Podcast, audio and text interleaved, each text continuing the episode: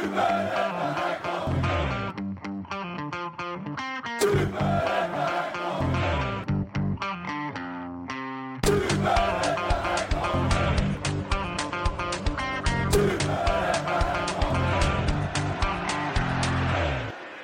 välkomna till Superettan-podden. Idag så har vi två nya ansikten med oss, men först så säger jag väl hej till dig Lennart som som vanligt sitter med dig.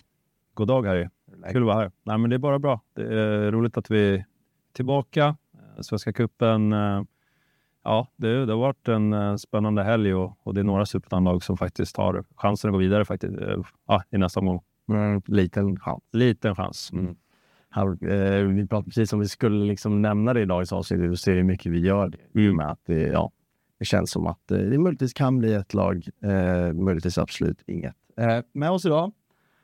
Men börjar jag med eh, Elias. Börjar jag med Elias Johansson. Välkommen. Du är ju ett, eh, får man säga, välkänt ansikte på svenska fans. Ja, men de som följer damfotbollen kanske har lite koll i alla fall. Ja. Eh, bedriver ju podden Foot 5 som eh, publiceras på Svenska fans. Eh, skrivit lite till och från, inte på någon fast redaktion så. Nej. Men jag gör ju min praktik på Bell Collective och brukar ju sitta på, på andra sidan mixerbordet här när ni spelar in. Men eh, nu får jag sitta här. Det, Mm. Lite nära ändå. Ja, verkligen. verkligen. Det imponerade så mycket i mixerbordet där så vi det. Ja. Nej, men i egenskap av att du är från Örebro och såklart då håller på Örebro så sitter du här.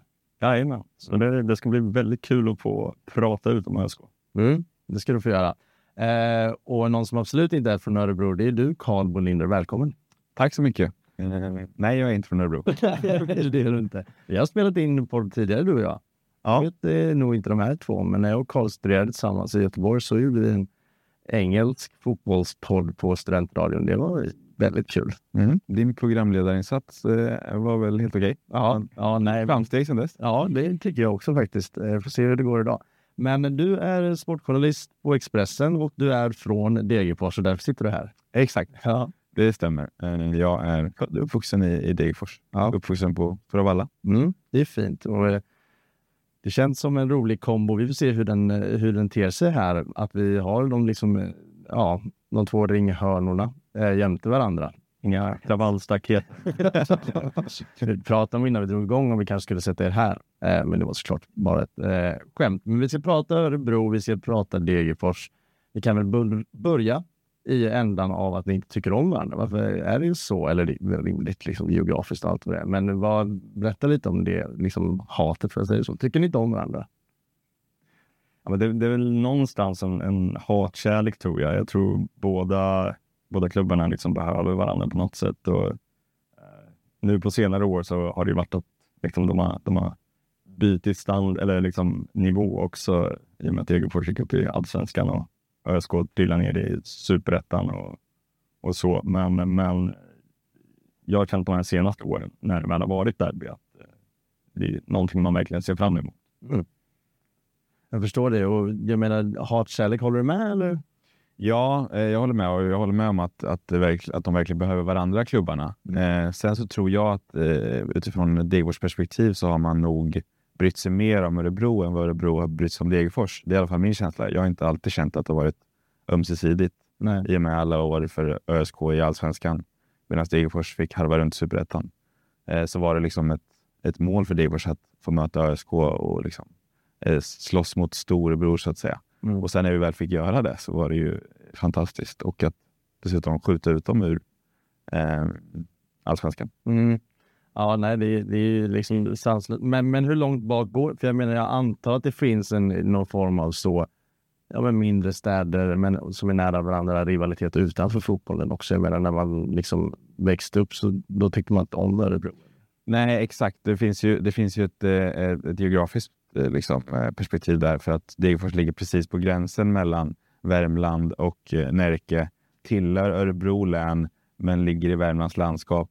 Eh, man vill gärna slåss för att hellre vara värmlänning än att vara en örebroare. Liksom.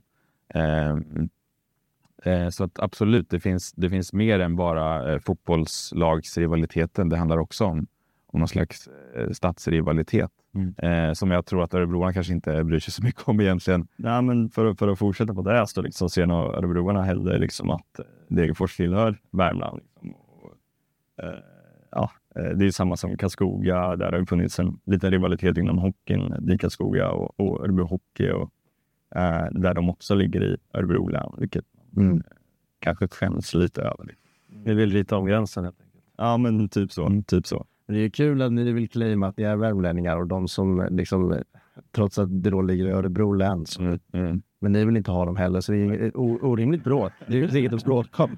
Vi vill inte vara med er, så vi vill inte ha er. Nej, jag kan känna som, alltså, ibland känner jag mig också att jag inte, jag förknippar mig inte heller som värmlänning egentligen. Utan Nej. det känns ibland som att Degerfors och Karlskoga är något slags mittemellan där vi eh, bara eh, blir våra egna. Liksom. Vi är inte värmlänningar, vi är inte örebroare eller närkingar, utan vi är degerforsare och karlskogingar. Liksom. Mm. Efter att ha lyssnat på deras, eh, eller vad de säger om det där liksom stadsrivaliteten. För jag tänkte innan vi drog igång Lennart att jag har svårt att hitta en annan rivalitet som är så tydlig och kanske infekterar mellan två olika städer. Men i Stockholm har vi en sak och i Göteborg kanske vi har en, fast den, de linjerna har ju också suddats ut lite. Men i Stockholm är det tydligt. Man tycker inte om varandra och man eh, slåss om eh, platser och status i stan, för stan. Liksom. Känner du att det kan vara så att Örebro och Degerfors är en sån rivalitet som är väldigt högt uppe? Jag kommer inte på någon annan. Mm. Jag som är från Sundsvall har ju ett färskt exempel med, med Östersund. Där Mm. finns det ju ja, saker som bottnar i annat än, än en sport. Eh, ja, men ang- angränsande eh, län då, Jämtland och Västernorrland. Och det har ju, ja, man kallar ju dem för surjämtar och de kallar oss för klyktattare. Så det, det har ju med träindustrin att göra ja, men hundratals år tillbaka. Så den, den är djupt bottnad. Och det, det finns ju absolut ett, eh, en, en tuff rivalitet mellan, mellan de städerna. Mer från Sundsvalls håll känner jag än från Östersunds håll eh, inom fotbollen. Men ja, där är det liknande. Men, eh, men Degerfors och Örebro, där finns det ju historik också med, med målott och brutna ben. Och, eh, ja, det, ni får gärna berätta mer om, om vad det startade i, utöver liksom, allt. Men finns det, finns, kan man säga, ger det en start då? Eller är det bara så geografiskt? Jag, jag vet faktiskt inte om jag ska vara helt ärlig. Det är ju definitivt någonting som har spett på eh, hela rivaliteten, eh, kan man ju lugnt, minst sagt säga. Eh, I alla fall från Degerfors håll. Jag vet inte hur, hur ni ser på, på den matchen och det som hände. Jo, men så här, det, var ju, det var ju fyra år innan min födsel, något sånt. Så, så jag har inte stenkoll på liksom allt vad som hände, men det var just det också att ÖSK gör det avgörande målet sen i slutminuten och det är ju just Lars Zetterlund som sätter in den tacklingen på Mårotto eh, som är kvar på planen och avgör matchen. Eh, så att, så att eh, Upplagt för liksom, slagsmål på stan? Ja, Eh, men, men eh, jag tror, alltså, det, det känns ju någonstans som liksom startskottet på det, den rivaliteten som är idag, liksom, klubbarna emellan. På gott och ont? Eller? Ja, Ja, eller ja, jo, verkligen. Om, eh, för, på Ottos ont kan man ju säga. Ja, alltså, benet gick ju av på honom. Eh, och sen så ska man ju då säga att, att eh, det var liksom 10 tilläggsminuter. Det var 90 plus 10 som han, som han eh, nickade in det där Mm. eh, målet. Eh, och Degerfors-supportrarna blev galna. Eh, domaren fick poliseskorteras från Stora Valla. Det finns ju klassiska bilder på när Yrjö Toivonen står på, på ett räcke och med en trenchcoat eller en lång rock och försöker eh, lugna ner alla, alla supportrar. Så att, eh, ja, det, idag är det väl kul att se tillbaka på det för att det har spett på rivaliteten. Men då så var det extremt stor ilska i byn. Sveriges första SLO då kanske? Ehm, ja, men fint. Som jag nämnde innan, ja, vi känner ju varandra sedan innan Karl och lite, du var inne på det, att ni, alltså deg, folk, personer, fans från Degerfors kanske brytt sig mer om örebroare och deras prestationer än vice versa. Hur, alltså, jag har uppfattat det av efter att ha kollat fotboll med dig och Degerfors och Örebro och allsvenskan och svensk fotboll att du nästan bryr dig mer om att Örebro förlorar än att Degerfors vinner. Ibland. Absolut, det, det, är, en, eh, det är faktiskt en, en bra poäng. Så är det ju inte egentligen, men det finns ju en skadeglädje där som är, är väldigt skön att, att känna. Mm. Ehm, och jag vet inte riktigt eh, eh, vad det grundar sig men det är väl något slags mindervärdeskomplex kan jag tänka mig. Att eh, vi är liksom den lilla byn, bor 10 000 personer där. Ingen bryr sig om oss. Uppenbarligen så bryr örebroare om oss. Men eh, Örebro har alltid varit eh, storebror och därför så har det väl känts skönt när det går dåligt för dem. Ja, det är väl inte mer än eh, rimligt. Vill jag säga. Lennart, jag tänker att vi ska ta ett, eh, en väg här. Ska vi gå liksom mot Örebro eller Degerfors? Um, Vad är du mest sugen på att prata för truppbygge? Ja, men exakt. Ja, men vi, ja, det spelar inte så stor roll, men, men vi kanske börjar med, med Örebro då. Uh, som, som ändå tycker jag ser, ja, ser bättre ut än vad man kanske trodde så här långt. Vad, vad säger du om öppningen på, på kuppspelet här och, och försäsongen, Elias? Ja, men det ger lite, ger lite minne till eh, förra året då det också gick, eh, gick ganska bra i mm. cupen.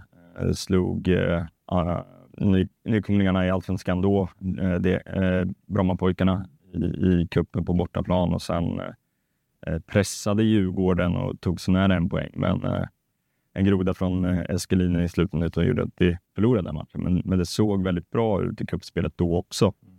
Eh, sen så eh, gick ju den säsongen eh, inte, inte fullt lika dåligt som säsongen innan under, eh, under tre olika tränare eller vad det nu var. Mm. Eh, men absolut, det, det, det, känns som att årets säsong har börjat bra. Sen tittar man på truppen så är den otroligt tunn. Mm. Vi har fått in Kalle Holmberg förra säsongen, vilket var liksom anledningen till att vi höll oss kvar i superettan. Sen har vi fått en ny, ny komponerad backlinje i år med Jesper Modig som, som den stora försvarsgeneralen där bak och jag har blivit väldigt imponerad av honom eh, än så länge. Mm. Eh, sen eh, skulle jag vilja ha in en, en, ett mittfältsankare till, tror jag. Eh, Elias Barzum och, och Lukas Limon som har spelat hittills är, är väldigt unga och det syns att orutinen lyser igenom ibland. Så det har väl varit lite rykten om Filip Rogic eh, nu senaste tiden, men eh, ja, hur mycket det ligger i dem, det vet jag inte riktigt. Nej, det, nej men du var inne på det. det man har ju liksom nedmonterat eh, stjärnstatusen i Örebro under två år nu. Eh, men det började ju med den här svaga första säsongen i Superettan med, med Hamad och, och Yassin. Eh, kostsamma spelare uppenbarligen, för de, de var inte kvar sedan. Och nu har man av ekonomiska skäl bantat ytterligare stora namn. Ja, Kevin Walker, och Jake Larsson och så vidare, som kanske själv, själv ville vidare givetvis. Men men eh, hur ser du på det, att så mycket rutin har försvunnit från ÖSK? Det, det är klart att eh, det är väl liksom ett, ett eh, utropstecken nu inför säsongen. Att, eh, ja, Eh, det är väl Jesper, Jesper Modig, Mohamed Said som kommer eh, in från Trelleborg också, Kalle Holmberg. Det är väl där rutinen finns. Eh, så att det, det är klart att ja, med den tunna och orutinerade truppen som, som ÖSK har så känns det som att det kan bli en lång säsong. Sen är det ju otroligt viktigt såklart att de här nyckelspelarna också håller sig friska hela säsongen. För minsta skada där så, ja.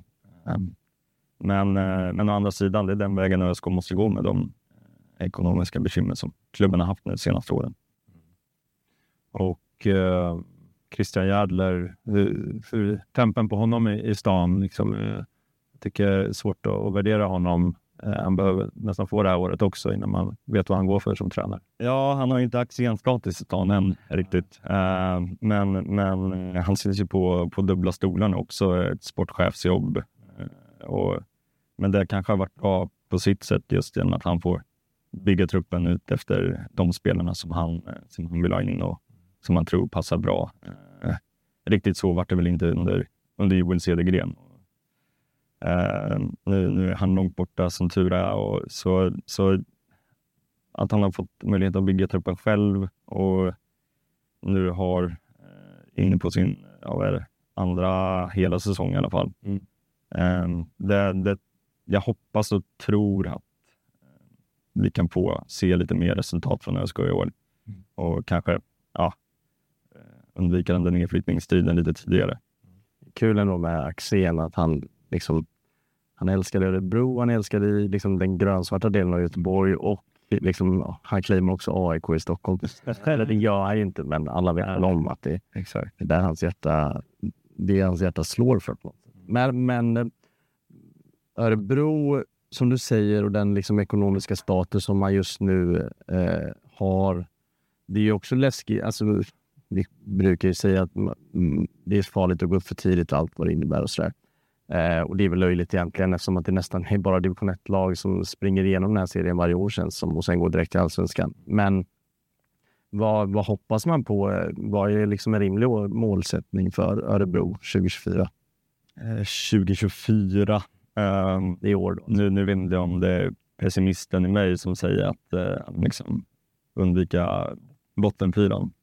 Det är ju så viktigt heller. Men Vilka lag det är i den här serien? ja, Det säljer inga årskort. Nej. Uttalandet. nej, men, eh, men skämt åsido så, så hoppas jag ändå att ÖSK kan, kan ta ett kliv. Eh, Kanske det, framför allt liksom, spela en rolig fotboll eh, Mm. över 30 omgångar i den mån det går. Och sen eh, men ändå landa på, en, på över halvan ändå. Eh, tror det är svårt att ha för höga förhoppningar på, på det här ÖSK-laget. Jag tror Lars Larsen, eh, ordföranden, eh, gick ut och sa att eh, 2027 så, så siktar man på allsvenskan. Men, eh, men just nu så, så är det ju det är för tidigt att gå upp ja. med det här laget. Ni, eh, ni hade väl inte ens råd att träna eller ha kvar lokaler på Bern Arena under en period? Eh, nej, men nu, nu är vi tillbaka på, på Bern Arena. Eh, kommunen gick med på att sänka, sänka hyran. Så, eh, så att, eh, ja, eh, ÖSK får väl lite som de vill i stan. Eh, så är det väl. Ja. Så, ja, Be- Bern Arena står vi kvar på nu i alla fall. Så det, mm. Men det är ju som vi har pratat om lite i förra avsnittet också. Det känns som Kalle Holmberg kommer bära ett enormt last. Eh, och det är mycket möjligt att han, han kan göra det på egen hand. Han är så pass, så pass överlägsen eh, många andra i den här serien. Eh, och sen så är det ju en del nyckelspelare som jag ser det, Samuel Kron och, och de här unga killarna då, Shimon och Barso, behöver hitta en, en hög jämn nivå. Då, då kan man göra resultat, men, eh, men bänken är ju lövtunn och oprövad. Så är det. Ja, verkligen. verkligen. Det är väl mest eh, som bäst typ division 1 eh, erfarenhet från, från på bänken. Så att eh, det är klart att Kalle och som du säger även eh, som en kron hoppas jag väldigt på mycket på inför den här säsongen. Hade lite, lite småskador förra säsongen, då, men samarbetet eh, Kron och Holmberg har sett eh, väldigt fint ut på försäsongen så eh, jag hoppas att jag kan eh, fortsätta in i serien också. Ja. Tänkte på Nasir Moro där då till Degerfors. Vem då? Moro. ja, precis. Hur, uh, hur togs den emot i, i, i staden? Men Lokalmedia? konstigt alltid. Ja. Ja, Konfliktland. Det var bara jag som inte liksom... Ja, nej men eh, ja, Moro. Alltså, han hade väl höga toppar och djupa dalar. Eh, Kommer ihåg, han hade något psykbryt där i, i de här viktiga matcherna när ÖSK försökte hålla sig kvar i allsvenskan. Han skallar Robin Tranberg i Varberg, drar på sig ett rött kort i första halvlek och när ÖSK leder med 1-0 också. Sen vänder och förlorar matchen. Mm. Eh, så att, ja, ah, jag tror de flesta. Den situationen gör att du inte håller exakt. det är. Eh, de, en grej för två år ja. Alltså, nej, han kan absolut... har en tendens att vara lite långsint ibland. Eh, men eh, nej, jag tror, jag tror de flesta örebroarna slår bort det mest. Och känner att vi, vi går vidare. Men det blir, det blir speciellt när många Degerforsare också känner att, att de inte vill ha en örebroare, inte någon som har spelat i ÖSK. Den, den mittbacken vill inte vi ha. Eh, samtidigt så, så tror jag att det kan bli en bra förstärkning, men jag har också de minnena, hans sista höst i allsvenskan där, som inte kändes jättelovande. Så att eh, det är verkligen, man får se vad som händer där.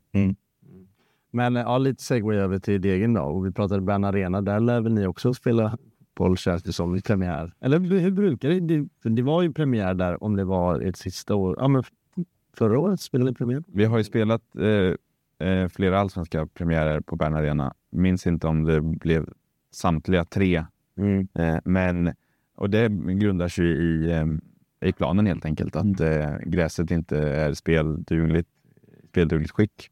Så då flyttas matcherna till Bern Arena. Och allsvenskt skick är närmast Örebro då? Eller en allsvensk? Ja, det är liksom uppskriven som Degerfors reservarena. Så då kommer det kanske 900 pers och sitter på Bernardinas läktare och tittar.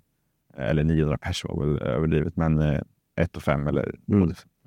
Eh, och nu så är det ju dessutom eh, en läktarfråga som eh, berörs. De håller på och bygger en ny läktare.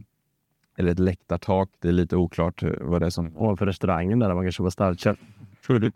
Ja, nej, men eh, det är i alla fall eh, pågående renovering av Stravaalla. Så att vi får väl se. Men som sagt, vi är vana att spela på Bern Arena i en säsongspremiär.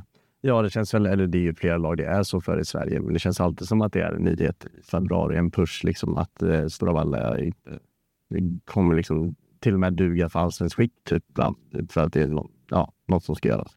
Inte har gjorts. Ja, eh, så är det ju verkligen. Och det har ju spelats på dispens eh, under de här tre åren i Allsvenskan. Eh, Och sen så nu var det nära att cupmatcherna också hamnade på Bern Arena. Mm. Eh, I och med att eh, konstgräset B- på B-planen först bedömdes inte vara spelduglig. Men, men Degerfors då? Allsvenskt förra året, eh, nu i Superettan. Du skrev till mig när jag fick, över- eller övertala behövde jag inte göra, men jag fick med dig att sitta med här idag och skrev till dig och frågade om du kunde. Så gjorde väl du din research antar jag och lyssnade på vårt förra avsnitt och frågade, eller sa att vi pratade upp degen. Nej, han sa fan vad ni pratar upp degen. Ja, Varav jag slängde bort ansvaret på dig där. ja men vad det... Men vad, varför ska man inte? Ja, jag skrev att ni får lugna ner er. också. Eh, nej, men jag är väl eh, en, en pessimist eh, som alla till att börja med, som alla uppenbarligen. Eh, men jag eh, har svårt att se eh, Degerfors i toppskiktet. Dels med eh, eh, den truppen och den renoveringen som har genomgåtts. Det är en ny eh, oprövad tränare. Eh, men om jag får liksom sätta ett, ett rimligt mål så är det väl eh, topp 8. Mm. Eh, men inte topp 5 tror jag absolut inte. Nej. Och eh, man vet ju, det känns ju som att alla, nu har jag inte namnen i huvudet för samtliga, men det känns som att alla liksom offensiv, all offensiv kraft ni hade förra året försvann. Väl lite, vad är det, Öqvist, Campos, Gravius. Gravius. Det är väl kanske de tre framför allt det som jag tänker på. Eh, Vad liksom, har det ersatts eller snackas det om att det kommer komma mer tillskott till degen eller tror du att man känner sig nöjd? Ja, det, Werner har väl pratat lite om att eh, få in eh, ytterligare tillskott, men inte på de offensiva platserna, utan det, det handlar dels om en målvakt, eh, bara två målvakter just nu. Eh, så att få in en, en målvakt eh, och en eventuellt en mittback och eventuellt en innermittfältare. Så att eh, offensivt så känner sig Werner klar, vilket också tycker jag är förståeligt med tanke på att William Ledin nu har spelat med, han har spelat en eh, eh, 3-5-2 kan man säga, eh, med två rena eh, strikers. Och där finns det ju gott eh, om, alltså där har han mycket att välja på, Lundin. I både Fisic, eh, Gura Lindgren, Persang Abdullah, sen kommer Vukojevic tillbaka. Just det. Eh, Så där har ni fyra bra namn. Alltså. Fyra bra namn, precis. Ehm, Och det är få förunnat. Det är så... Det är ju framförallt de du väl syftar på när du hade Ja. kring Degerfors. Ja, men exakt. Och sen tycker jag att eh, men Mamar kan en väldigt bra superettan-spelare, kanske inte lika bra allsvensk spelare, men, men eh, passar perfekt i en sån roll. Han bara kan gå gata upp och gata ner, eh, fylla på in i box och vara försvarsspelare samtidigt. Eh, och eh, finns en balans där med Mårtensson, Olsson och, och jag gillar ju Kevin Holmén, att han har en, en växel till också. Om man får kontinuitet en hel säsong så tror jag att han kan eh, vara en av superettans bästa spelare i sin position. Eh, så där är det väl mera det är ju inte anfallet som, som ni behöver vara oroliga för, det tror jag inte. Utan ni kommer skapa chanser och det finns en tyngd i Superpash och eh, det finns eh, andra spelare också. Vukovic och, och Lindgren med, är ju verkligen en, en spelare jag tror kommer slå igenom. Ehm, det är ingen, ingen svår take nu efter de här två första matcherna. Nej, den cirkelspark du också häromdagen. ja, precis. Eh, men jag hade taken innan. Nej, men absolut. Eh, Gustav Lindgren har gjort otroliga framsteg och när han kom förra säsongen och gjorde sina första matcher i Allsvenskan så tänkte jag, "V- vad är det här liksom? Eh, sen så växte han in i det. Fick göra, han gjorde sitt debutmål mot Kalmar, om jag inte missminner mig, på Stora Valla. Ja. Eh, liksom, fick självförtroende och man såg att här finns det faktiskt någonting. Ja. Eh, sen så kanske han inte är en allsvensk anfallare i nuläget, men han kommer, tror jag, om han håller sig skadefri, börja göra många mål i Superettan här. större perspektivet då, eh, tänker jag ändå med Degerfors. Ni har ju varit i, alltså i elitbollen nu ett väldigt bra tag. Och på något sätt så förknippar man Degerfors med de högsta serierna i Sverige, trots att ni är 8000 som bor i den lilla eh, bruksorten. Vad är, vad, vi- vad, hur, hur går det snacket på stan? Liksom, ska man snacka snacket på stan? vad, vad, är man okej med att det är superettan ibland och ibland allsvenskan? Jag tror att när man har fått känna på allsvenskan de här tre åren så, så vill man vara där. Att man kommer inte nöja sig med superettan. Eh, däremot så tror jag att klubben nöjer sig med superettan nu. Det övergripande målet är ju att ta sig tillbaka till allsvenskan. Sen tror inte jag att man kommer eh, skynda, utan man skyndar kanske långsamt då snarare. Eh, och snacket på stan, ja men Degerfors är ju, Degerfors IF är jätteviktig för Degerfors. Och, och det är väl den ständiga debatten hur mycket kommunen ska skjuta in. Nu med den här nya läktarfrågan till exempel har det varit eh, väldigt mycket hit och dit och upphandlingar. Eh, de hade inte råd eh, först och då blev det ramaskri och vissa står på ena sidan att man ska skjuta in eh, så mycket pengar som möjligt till Degerfors IF medan vissa tänker på att kommunen också går på knäna. Eh, de har nyss hämtat in ett nytt lån på var det, 50 miljoner kronor och eh, kommunen går på knäna samtidigt som Degerfors IF eh, behöver stöd. Så att det är en jättesvår fråga och ja, men det är väl det som debatteras mest av allt i, i den lilla orten. Liksom. Mm. Få städer där jag kan tänka mig att det är så stor andel människor som tycker att pengar ska in i ett sportlag. Liksom. Mm. Ja, men det, man kan väl jämföra det liksom med Leksand till exempel, eller när det blir en så liten stad Mm. eh, med ett så stort representationslag på något sätt. Mm. Ja, nej, men det är svåra frågor. Man har ju all, all respekt för att eh, ja, går det tufft för kommunala sektorn så är det ju det är väldigt känsligt att, att stoppa in det i en fotbollsklubb. Det, det förstår man ju. Samtidigt som, som du var inne på, eh, det ger ju mycket skatteintäkter också, inte minst i allsvenskan med, med alla som kommer dit och all exponering. Så det, vi, vi som sitter här är i alla fall glada att ni får den här läktaren. Men eh, jag tänkte på, eh, på den här tränarbytet då, eh, men just att gå ifrån Holmberg och Solberg. Det var ju Mm. klart ganska tidigt, men det, ja, hur, hur ser du på det och vad som har kommit in då i, i, form av Lundin och Lindström? Va? Nej, nej. Jag tror att det var rätt att, att bryta med Andreas och Tobias. De hade gjort eh, sina år där och det kändes som att ja, men det här klassiska att de tappade omklädningsrummet Mm. eh, och det var dags för någonting nytt. Ehm, att sen, och sen på, eh, på sättet de fick gå var ju det, var ju det jobbiga, eller det, det som man kritiserade Degerfors för, att de, Andreas och Tobias fick ett mejl en, en måndag morgon att vi kommer inte förlänga er kontrakt mitt i säsongen bara. Mm. Ehm, så det var ju eh, lite av en eh, skandal kan man säga. Men Får jag verkligen säga. ja, jo, men det finns väl nyanser i det där också. Jag menar, ordförande hävdar att, eh, att Andreas och Tobias hade tryckt på för att få ett besked och sen så då tyckte han att ja, men jag, nu gav jag ett besked. Mm. Sen kan man ju tycka att det beskedet hade kunnat komma på telefon eller via ett fysiskt möte. Liksom. Eh, men sen William Lundin är, är, tycker jag är svårtolkad för att en väldigt, väldigt ung tränare får man säga. Eh, gjorde det väldigt bra i Trollhättan i division 1. Eh, och fick ju då en, eh, en otacksam chans i, Blåvitt förra säsongen. Mm. Eh, och det är inte många tränare som hade gått in och levererat där på ett så kort sikt. Det är hans första jobb på den nivån. Så det är jättesvårt att, att, att bedöma hur, hur bra han är. Nej, ja, det håller jag verkligen med om. Det, och det är väl det jag sätter frågetecken för. Eh, Ja, jag vet inte helt enkelt vad han går för och hur taktiskt skicklig han är i den här kontexten och ja, i den här konkurrensen som är i, superettan. Eh, Jag trodde ändå Trollhättan var, gick hårt för att gå upp och han lyckades ju inte med det riktigt då, eh, även fast han hade resurser i, i ettan mått mätt. Så vi får väl se. Ehm, men rent så här, ja, 3-5-2, jag tycker att han ändå har anpassat det rätt efter materialet och att han får använda två forwards och att han har de här vingspelarna också tycker jag ändå med, med, med eh, ett djup i truppen på det sättet att det, det är formerat på rent taktiskt eh, ganska, ganska bra redan nu. Eh, spelarna pratar också om en, en skillnad i eh, träning. Att eh, det är mycket hårdare träning. Eh, de lägger mer fokus på den fysiska biten, springer mycket mer. Eh, de har varit helt slut efter träningarna har de pratat om.